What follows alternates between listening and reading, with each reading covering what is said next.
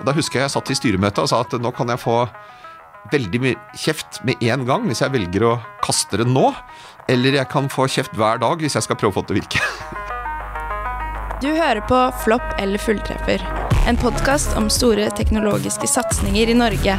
Både de som har vært en suksess fra start, og de som man helst vil skyve under teppet og glemme.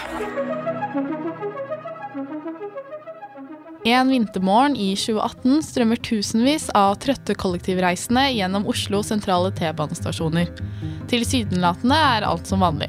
Men de mest oppmerksomme morgenpassasjerene merker kanskje at noe har forandret seg. De store stålboksene som man i flere år har måttet passere på vei ned eller opp fra perrongen, er borte. Og det uten at de noen gang har vært i bruk. Hvorfor har sperringene som skulle hindre avgang for alle uten gyldig billett, plutselig blitt fjernet? Og hvorfor har de stått ubrukt i så mange år? Velkommen til Flopp eller fulltreffer. Jeg heter Ville Alstad. Og jeg heter Sara Engesvik.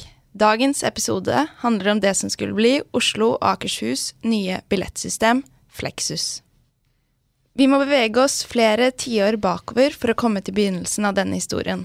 For sperringene, som fjernes i slutten av 2018, er bare ruinene av det som skulle bli et helt nytt kollektivsystem i Oslo. Jeg vet ikke om du husker de blå billettautomatene som var før Flexus kom, Vilde? Nei, men nå er ikke jeg fra Oslo heller.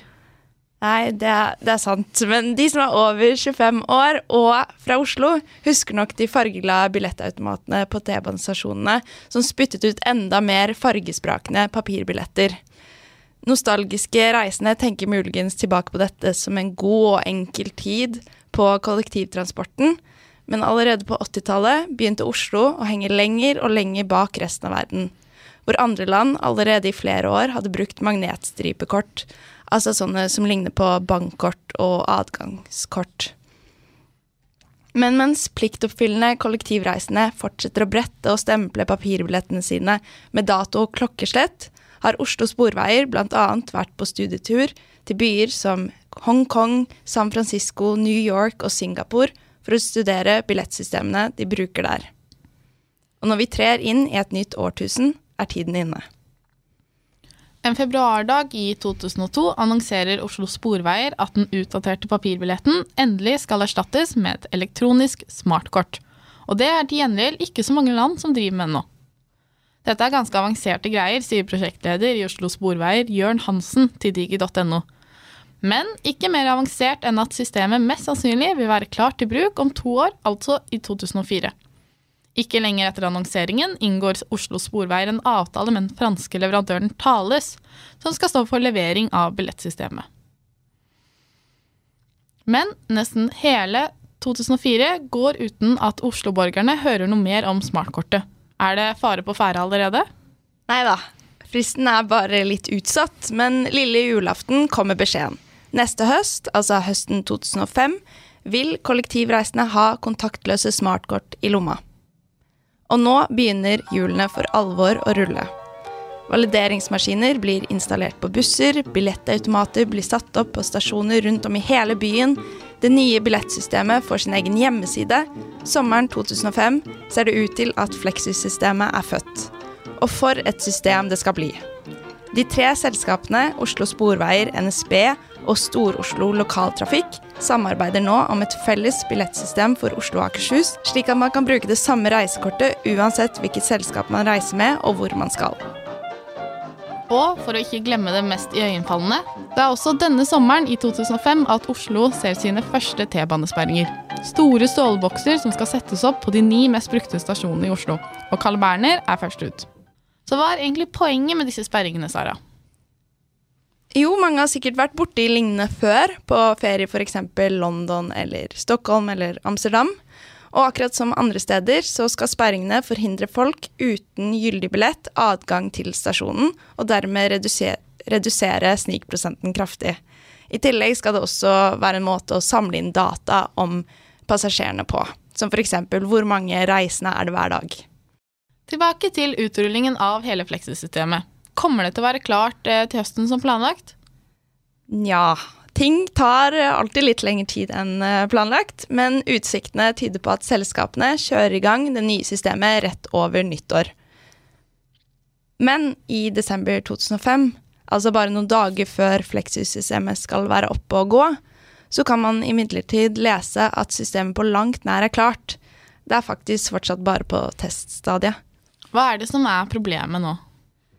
Det er nok flere startvansker her, men hovedproblemet ser ut til å være at Oslo Sporveier, NSB og Stor-Oslo Lokaltrafikk, altså de tre, tre, selskapene som samarbeider om å lage et felles billettsystem, de benytter tre forskjellige takstsystemer.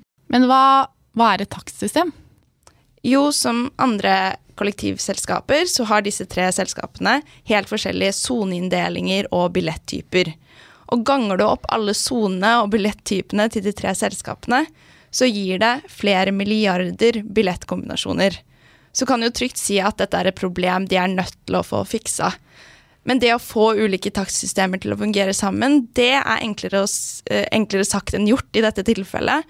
Fordi selskapene også benytter tre ulike leverandører som leverer på en måte billettsystemet til de. Så nå er de jo klar over problemet. Så da er det kanskje ikke så farlig å vente litt. Og ting pleier jo å ta litt lengre tid enn det man tror.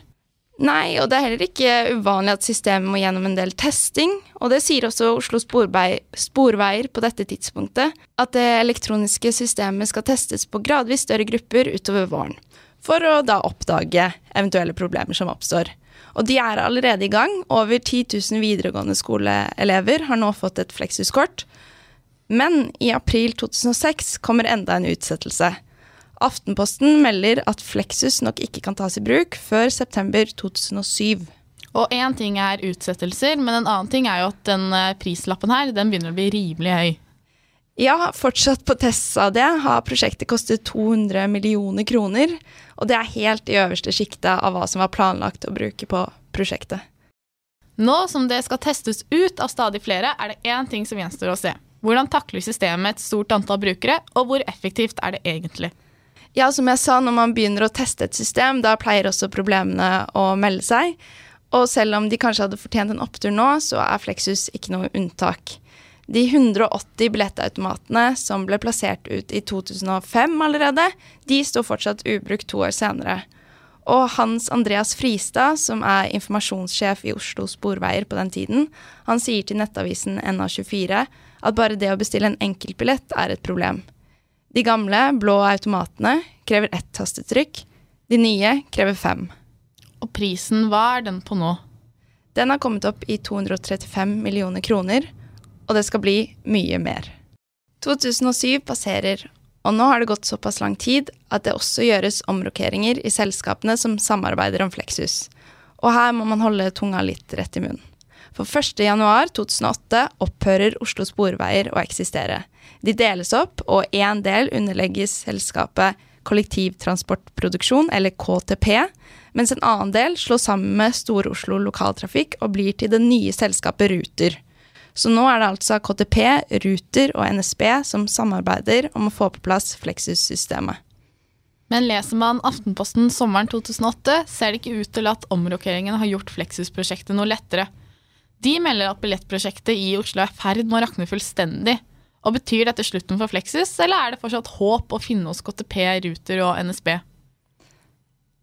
Med alle problemene og utsettelsene så kan man jo si at det begynner å ligne på gutten som ropte ulv, ulv. Men ifølge sjefen for KTP, Trond Bjørgan, er det fortsatt gode grunner til å være optimistisk. De skal nemlig levere systemet til Ruter den 17. oktober, så det er altså rett rundt svingene. Ok, men allikevel, hvor lenge får de egentlig lov til å holde på med dette? De starta jo i 2002. Skal ikke noen dra i nødbremsen snart? Dette er jo bare utsettelser på utsettelser. Det er jo i utgangspunktet Oslo kommune som har vært med å sette i gang og finansiere prosjektet. Men nå, tre år etter at billettsystemet skulle vært tatt i bruk, vurderer de å stoppe prosjektet. Da er det vel bare å krysse fingrene for at KTP leverer systemet som avtalt 17.10. Ja, men den fristen er allerede utsatt før datoen kommer. 17.10 skal nemlig Thales levere en oppdatering av programvaren, og dermed må systemet igjen testes før det eventuelt kan tas i bruk. Og nå kommer Oslo kommune på banen. Samferdsels- og miljøkomiteen ber partene svare for seg en åpen høring den 23. oktober om innføringen av det nye kollektivsystemet. Og i denne høringen så er det KTP som grilles. Det er de som er ansvarlig for prosjektet. Men de igjen legger mye av skylden på Thales, leverandøren. Og det kommer fram at kommunikasjonen med den franske leverandøren på tidspunkter har vært fraværende, og at det til og med sa helt stopp da KTP krevde at prosjektledelsen ble skiftet ut. Men er det bare KTP som har ansvaret for at prosjektet ikke har fungert som det skal? Hva med Oslo kommune, har ikke de også et ansvar? Jo, byråd for miljø og samferdsel Peter M. Myhre han stilles også til veggs på denne høringen. Prosjektet, som han har hatt ansvar for å følge opp, har for lengst sprengt budsjettet sitt. Bemanningsbehovet har blitt undervurdert. Det som etter avtalen skulle være et hyllevaresystem, altså et system som var godt utprøvd i andre byer, det viser seg å være så komplekst at det er umulig å samordne de tre selskapenes billettsystemer. Og når Samferdsels- og miljøkomiteen senere møtes for å behandle saken, er dommen hard. Komiteens medlemmer fra Arbeiderpartiet, SV og Rødt mener at byråd Myhre neppe kan ha hatt en så tett kontakt med KTP, slik han hevdet under høringen. Så hva er det egentlig som skjer nå? Er dette spikeren i kista for Flexus? Nei da, utrullingen av Flexus fortsetter, og en ny frist blir satt. Men så, i 2009, skal det skje noe som kan endre fremtiden til billettsystemet. Ruter tar over ansvaret for Flexus. Mannen som skal styre det hele, er Ruter-direktør Bernt Reitan Jensen, og han har vi tatt en snakk med. For i 2009 har det lenge vært planen at Ruter skal ta over billettsystemet Flexus, og derfor har Reitan Jensen allerede vært involvert i prosjektet i to år. Fra starten er det ett spørsmål som skal stilles igjen og igjen, sier Reitan Jensen. Skal prosjektet, som allerede har sprengt hele budsjettet med millioner, stoppes, eller kan det reddes? Og Da husker jeg jeg satt i styremøtet og sa at nå kan jeg få veldig mye kjeft med en gang hvis jeg velger å kaste det nå. Eller jeg kan få kjeft hver dag hvis jeg skal prøve å få det til å virke. men, men i og med at det er eh, en stor investering, vi snakka jo om mange hundre millioner kroner, eh, så tror jeg vi, vi, kan liksom ikke selv om det, dette har store utfordringer, og man holdt på, tror jeg holdt på med det i sju år allerede da, det var, og det var jo ikke implementert. Eh, at det ville være uansvarlig å ikke gjøre et forsøk på å se å berge de verdiene som var i, i dette, selv om vi var veldig skeptisk til om, om, eh, om dette var det rette billettsystemet. Fordi det var jo eh, det var jo 90-tallsteknologi allerede da. Det var basert på um, smartkort. På, og så var det gjort noen ganske store forutsetningsendringer ut fra hva systemet egentlig var laget for. Ut fra hvordan man så for seg at det skulle brukes i Oslo.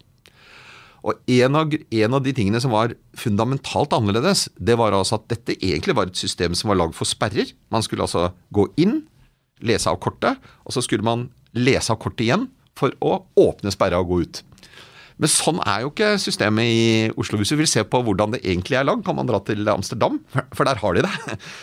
Mens her så var det jo ikke det. Vi hadde jo et åpent system. Det ville bli veldig veldig kostbart å stenge hele systemet. Nesten helt upraktisk. Det skulle også brukes på busser og, og, og da endte vi opp i en sånn Hva hvis folk ikke leser av kortet?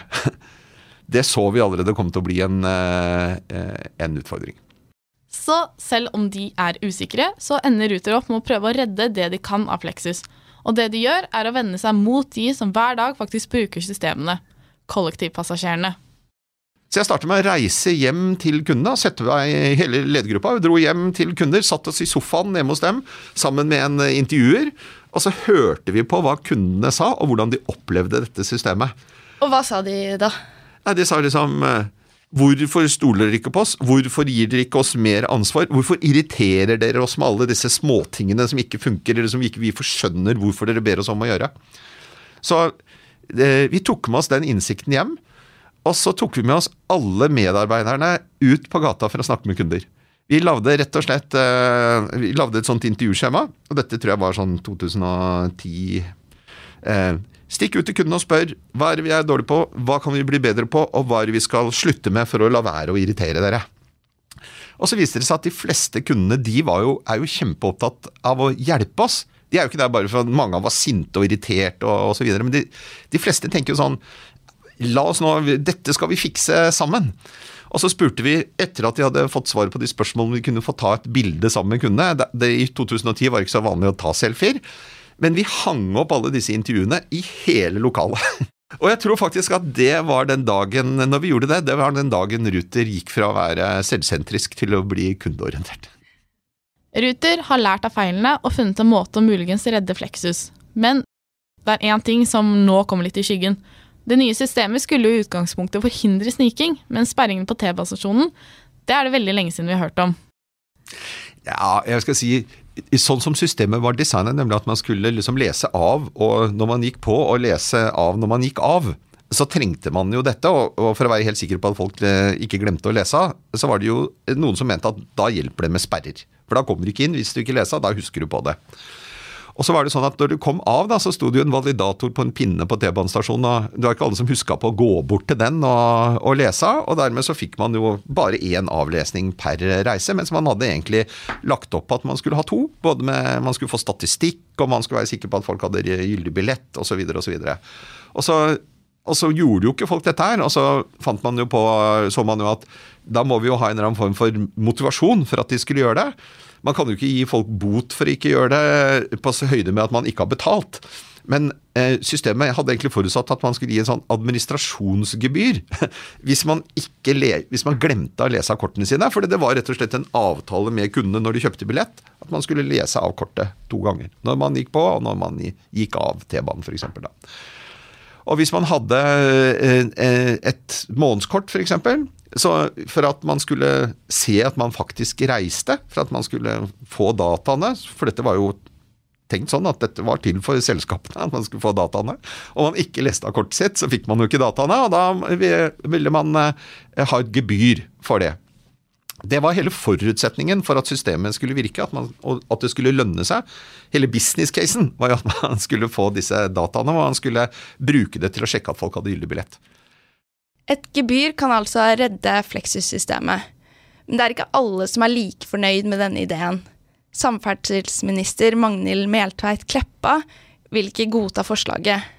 At folk som har betalt for billetten sin skal ilegges gebyr, det strider imot sunn fornuft, sier hun til Aftenposten. Og med dette avslaget fra departementet er sperringene gjort overflødige. Men i det øyeblikket man sa da at nei, man får ikke anledning til å ta noen sånn gebyr, ja, hvorfor skulle man da be kundene om å lese av eh, kortene sine, når man ikke kunne be dem om å gjøre det? Ikke sant? Da blir det, det er frivillig, da. Altså, det er frivillig å lese av kortet ditt. Ja, men hvorfor skal jeg gjøre det da? Ja, hvorfor skal vi ha alt dette dyre teknologiske utstyret installert på stasjonene, hvis, bare, hvis folk bare kan gå rundt? ikke sant? Sånn at eh, Eh, når man tok den beslutningen om at man egentlig ikke ville pålegge folk å lese av kortene sine, eh, og den beslutningen tok jo statsråden, og ikke vi som hadde ansvaret for systemet, da falt jo hele gulvet ut av løsningen. Da var det i hvert fall ikke noe vits i å bruke mer penger på å ha dette utstyret stående og vedlikeholde det. Da kunne man heller bruke de pengene på å kjøre mer buss. Ok, Så fra 2010 så vet man at sperringene aldri vil bli brukt. Men Flexus var jo mer enn bare sperringer. Hva skjedde med resten? Jo, altså 1.3.2011 så skriver faktisk VG at nå er det slutt for Flexus. NSB og Ruter de gir opp tanken om et felles reisekort i hovedstadsområdet. Men når vi snakker med Bernt Reitan Jensen, så sier han at dette ikke er hele sannheten. Flexus er med oss, men Flexus var jo navnet på selve kundegrensesnittet og billettkonseptet og det som kundene skulle se. Det valgte vi jo å legge bak oss, for det var jo knytta så mange dårlige si, opplevelser til det, som var knytta til at dette systemet kosta veldig mange penger. Det virka ikke som forutsatt.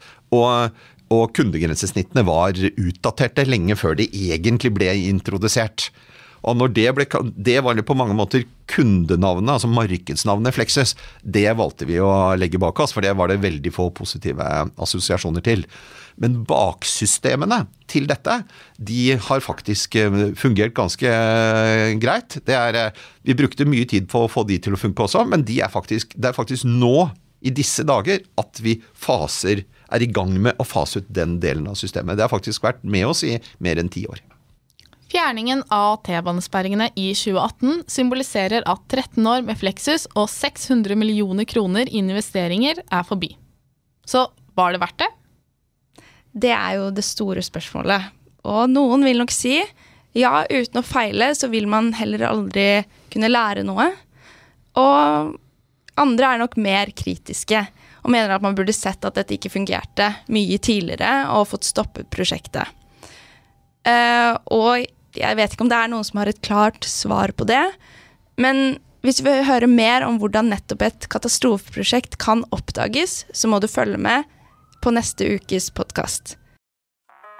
Dette var Flopp eller fulltreffer, en podkast produsert av Teknisk Ukeblad Media. Intervju var med Bernt Reitan Jensen, administrerende direktør i Flexus. Medvirkende til denne episoden var Sebastian Hagmo, Vilde Alstad og meg, Sara Engsvik.